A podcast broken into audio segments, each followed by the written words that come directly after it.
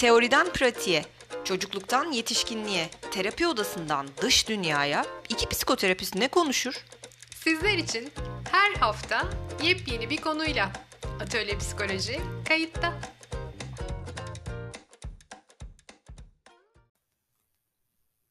Sevgili podcast severler, bu defa çok çok uzun bir aradan sonra merhaba hepinize. Sana da merhaba Aslı'cığım. Sana da merhaba Der- Derya'cığım.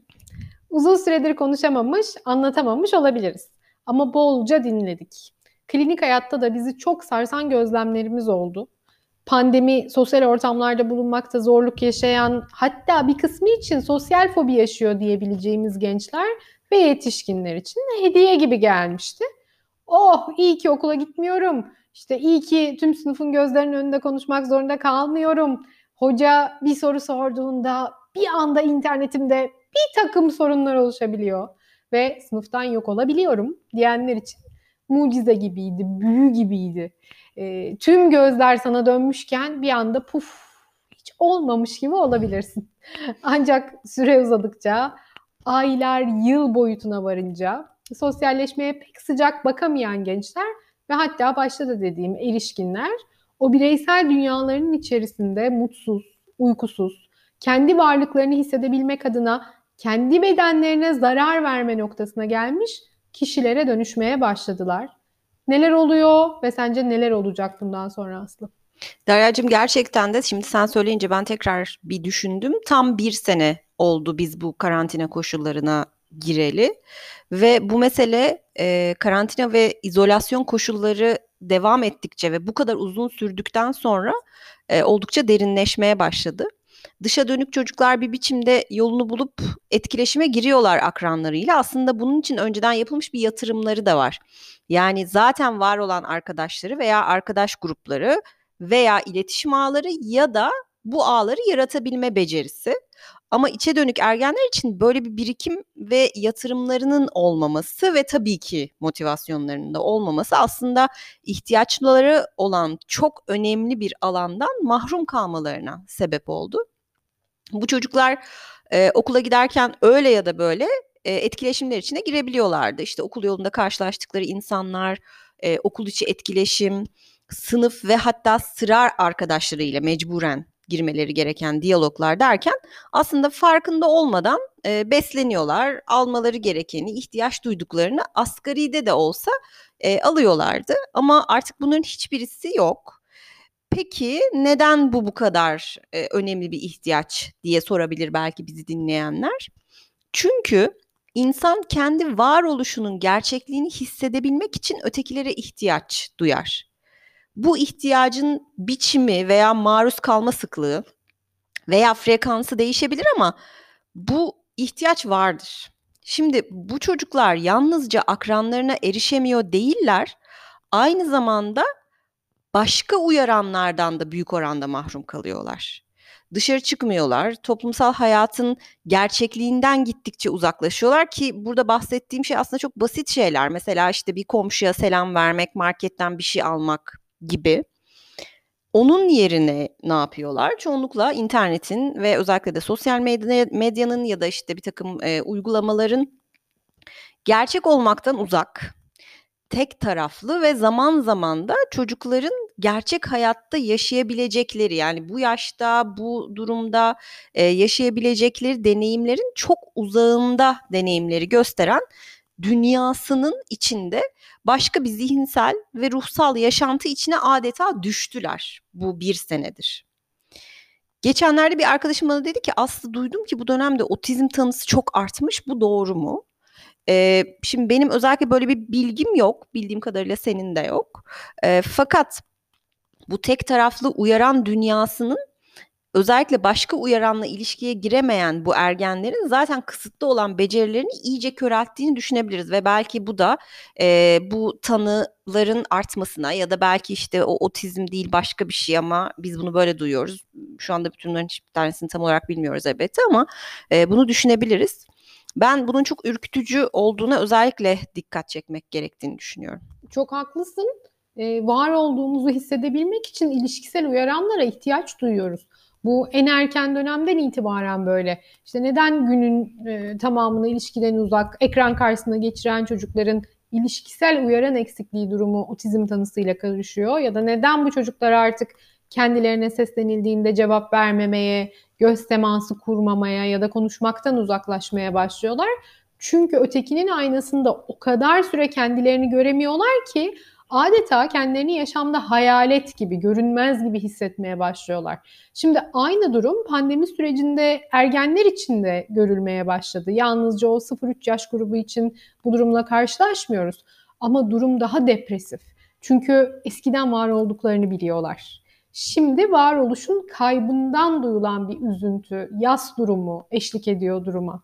Ergenlerin durumunu içe dönük, dışa dönük gibi tanımlamaktan çok yana değilim. Çünkü içe dönük olma hali e, sosyalleşmek için gereken enerjiyi kendi başına kalarak toplayabilmeye verilen isim özünde. Kişi yeterince bu zamana sahip olduğunda çok da sosyal olabilir. İlişki kurma konusunda zorlukları olan, kendini ifade becerileri kısıtlı olan, ilişki içerisinde yargılanmaktan, eleştirilmekten çekinen kişilerin durumu daha ziyade sosyal kaygıyla e, açıklanabiliyor ve kaygıyla baş edebilmede etkili olduğunu bildiğimiz en temel yöntem maruz kalma. Kişi kontrol edebilir, güvenli bir dozda onu endişelendiren durumun içerisine girdiğinde aslında o endişelendiği, korktuğu şeylerin başına gelmediğini görerek yavaş yavaş kaygısıyla baş etmeyi öğrenir. Bu işin temel prensibi budur kaygılanan durumlardan, ona kaygı veren, onu endişelendiren durumlardan kaçındıkça kaygının seviyesi her geçen gün artmaya başlar. Pandemi sosyal kaygısı yoğun olan kişilere bu kaçınma ortamını aslında doğal bir şekilde hediye gibi sunmuştu. Bu kaygının seviyesi gün geçtikçe bu insanların işlevselliğini bozacak düzeye varmaya başladı ne yazık ki. Şimdi bakınca içe dönük ve dışa dönük olma hali aslında birer kişilik özelliği olarak bildiğimiz kavramlar. Gerçekten de bazı insanlar sosyal hayatın içinde olmaktan daha çok beslenirken bazıları ise içsel dünyaları ile hemhal olmayı daha çok tercih ediyorlar. Bu dolayısıyla ergenler için de çok temel bir tanımlama olarak belki kullanılabilir. Pandemi koşullarında bakıldığında ise sosyal hayatın içinde olma ve bulunmanın formu tamamen değiştiği için e, içe dönük ile tanımlanan ergenler için bu senin de belirttiğin gibi e, ve hatta muhtemelen farkında olmadıkları tamamen iç dünyalarına gömülme ve bunun yarattığı depresif duygu durumu ile kendini belli etmeye başladı. Sosyal hayatla beslenen ergenler bunun bir şekilde yollarını ararken e, buna daha az ihtiyaç duyanlar için mecburi temaslar bile ortadan kalktığından tamamen seçtikleri büyük ihtimalle de kendi ruh hallerine uygun olan veya kolay yönetebileceklerini düşündükleri onları yormayan uyaranlarla kendi içlerine battılar belki deyim yerindeyse. E, bu artık tehlikeli bir hal almaya başladı çünkü başka durumlarda da olduğu gibi yani başka durumlarda da gördüğümüz gibi bu çocuklar dikkat çekmiyorlar ses çıkarmıyorlar. Tırnak içinde kendi hallerindeler. E, bu nedenle de e, çok güç e, bir sorun olduğu fark ediliyor. Ne zaman çocuğun yemek ve uyku rejimi değişiyor, senin de belirttiğin gibi kendilerine zarar verecek e, davranışlar ortaya çıkıyor. O zaman aileler bir uyanıyorlar. Benim dikkatimi çeken en önemli şey her ne olursa olsun çocuğun akranları ile bir şekilde bir araya gelmesinin aileler için asla bir seçenek olmaması. Yani Covid var ve bu çocuk dışarıya çıkıp arkadaşlarıyla buluşamaz çünkü kendini koruyamaz. Sen ne görüyorsun bu noktada? Neler görüyorum? Ee, bir kere çocuklar dijital platformu hatmetmiş durumdalar. Uyku düzeni diye bir şey de kalmamış. Yemek saatleri bütünüyle kendi başına geçirilen e, bir sürece dönüşmüş. Ve dışarı çıkmayı hani bir tarafa bırakıyorum. Evin bazı odalarına bile çok uzun zamandır uğramamış e, ergenler görüyorum. Hı hı. Öte yandan da aslında ya biz dışarı çıksın diye çok uğraşıyoruz. Hadi kızım, hadi oğlum, işte benle beraber gel bir dışarıda yürüyüş yapalım diyoruz. Ama kendi istemiyor diyen anne babalar da görüyorum. Ee, bir görüşmede bir ergenle e, konuşurken bizim şu kart oyunları var biliyorsun sen de bazen ergenlerle olan süreçlerimizde kullanırız. Ee, bir kart seçtik ve karttan eğer sen kendi kendini yetiştiriyor olsan yani bugünkü sana anne babalık yapıyor olsan neyi farklı yapardın gibi bir soru e, çıktı görüşme yaptığım gence. E, kendime daha çok ısrar ederdim farklı şeyleri deneyebilmem için. İstesem de istemesem de bir takım kurslara yazdırırdım kendimi hmm. e, diye bahsetti Ergen. Aynı şekilde ailenin e, biz çok ısrar ediyoruz ama kendi istemiyor dediği ergendi. Hmm. Tabii burada bir sürü e, faktör var. Yani öğrendiği ilişki biçimi bu olduğu için de bunu söylüyor bir tarafıyla. Ama öte yandan da bu ısrara ihtiyacı olduğunu, daha fazla teşvike ihtiyaç duyduğunu söylüyor aslında.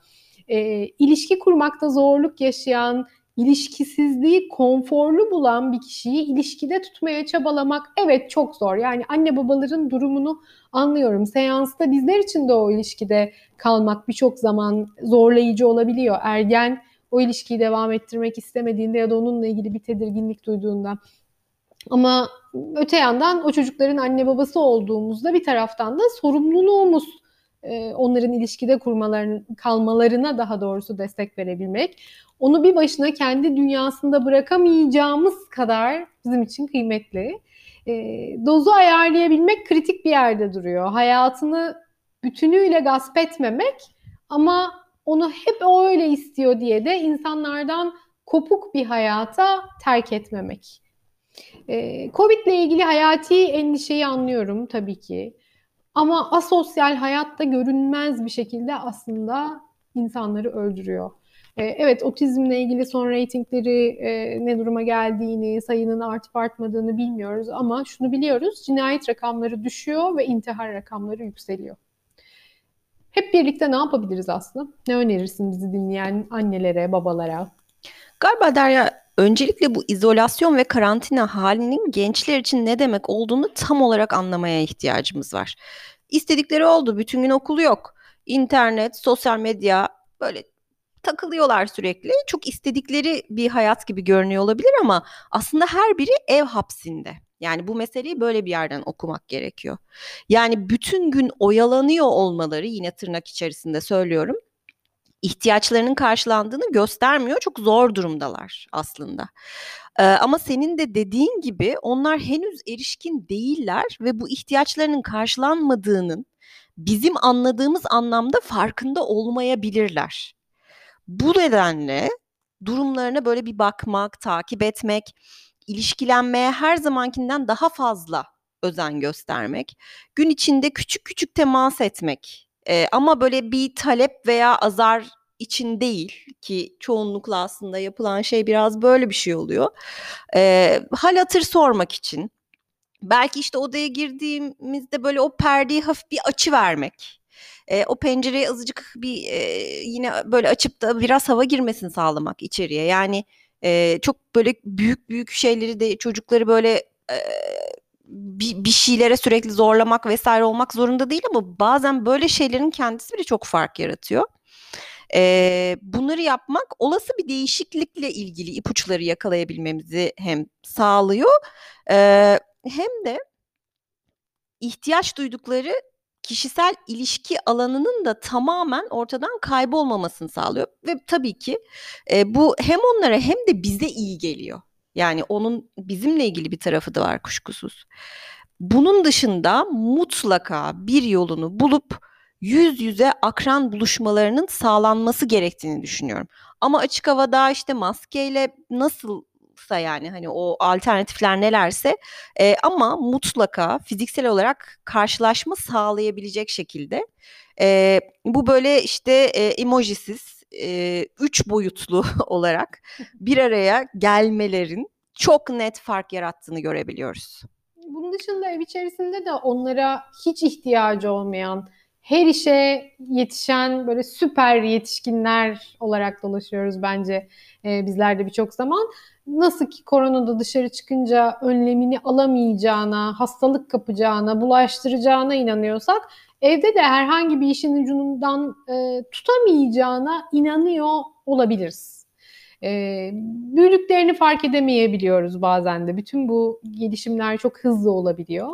E, evin bir üyesi olduklarını hissetmelerinin yolu bence dahil olmalarından geçiyor.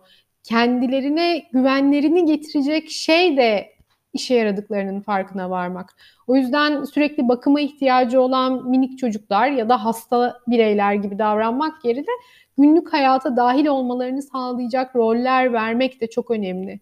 Biliyoruz ki kullanılmayan kaslar gittikçe eriyorlar, güçsüzleşiyorlar. Bu süreç bittiğinde de tüm güçleriyle eski yaşamlarına devam etmeye ihtiyaçları olacak. Kesinlikle. O yüzden de desteklenmeleri, hayatın içine dahil edilmeleri, e, kendileri gibi diğer arkadaşlarıyla bir araya gelebilmeleri çok çok çok önemli bir yerde duruyor. Yani bu öyle sıradan bir e, öneri değil, bu yaşamsal bir ihtiyaç. Evet buna böyle bir yerden bakmak çok kıymetli. Çocuklar da sosyalleşemiyorlar. E, arkadaşlarını da göremiyordan çok daha fazlası aslında bu. Evet. En yakın zamanda yine yeni bir soruyla bir araya gelebilmek dileğiyle. Hoşçakalın. Bize sosyal medya hesaplarımızdan ya da atölyepsikoloji.gmail.com adresimizden ulaşabilirsiniz. Görüşmek üzere, hoşçakalın.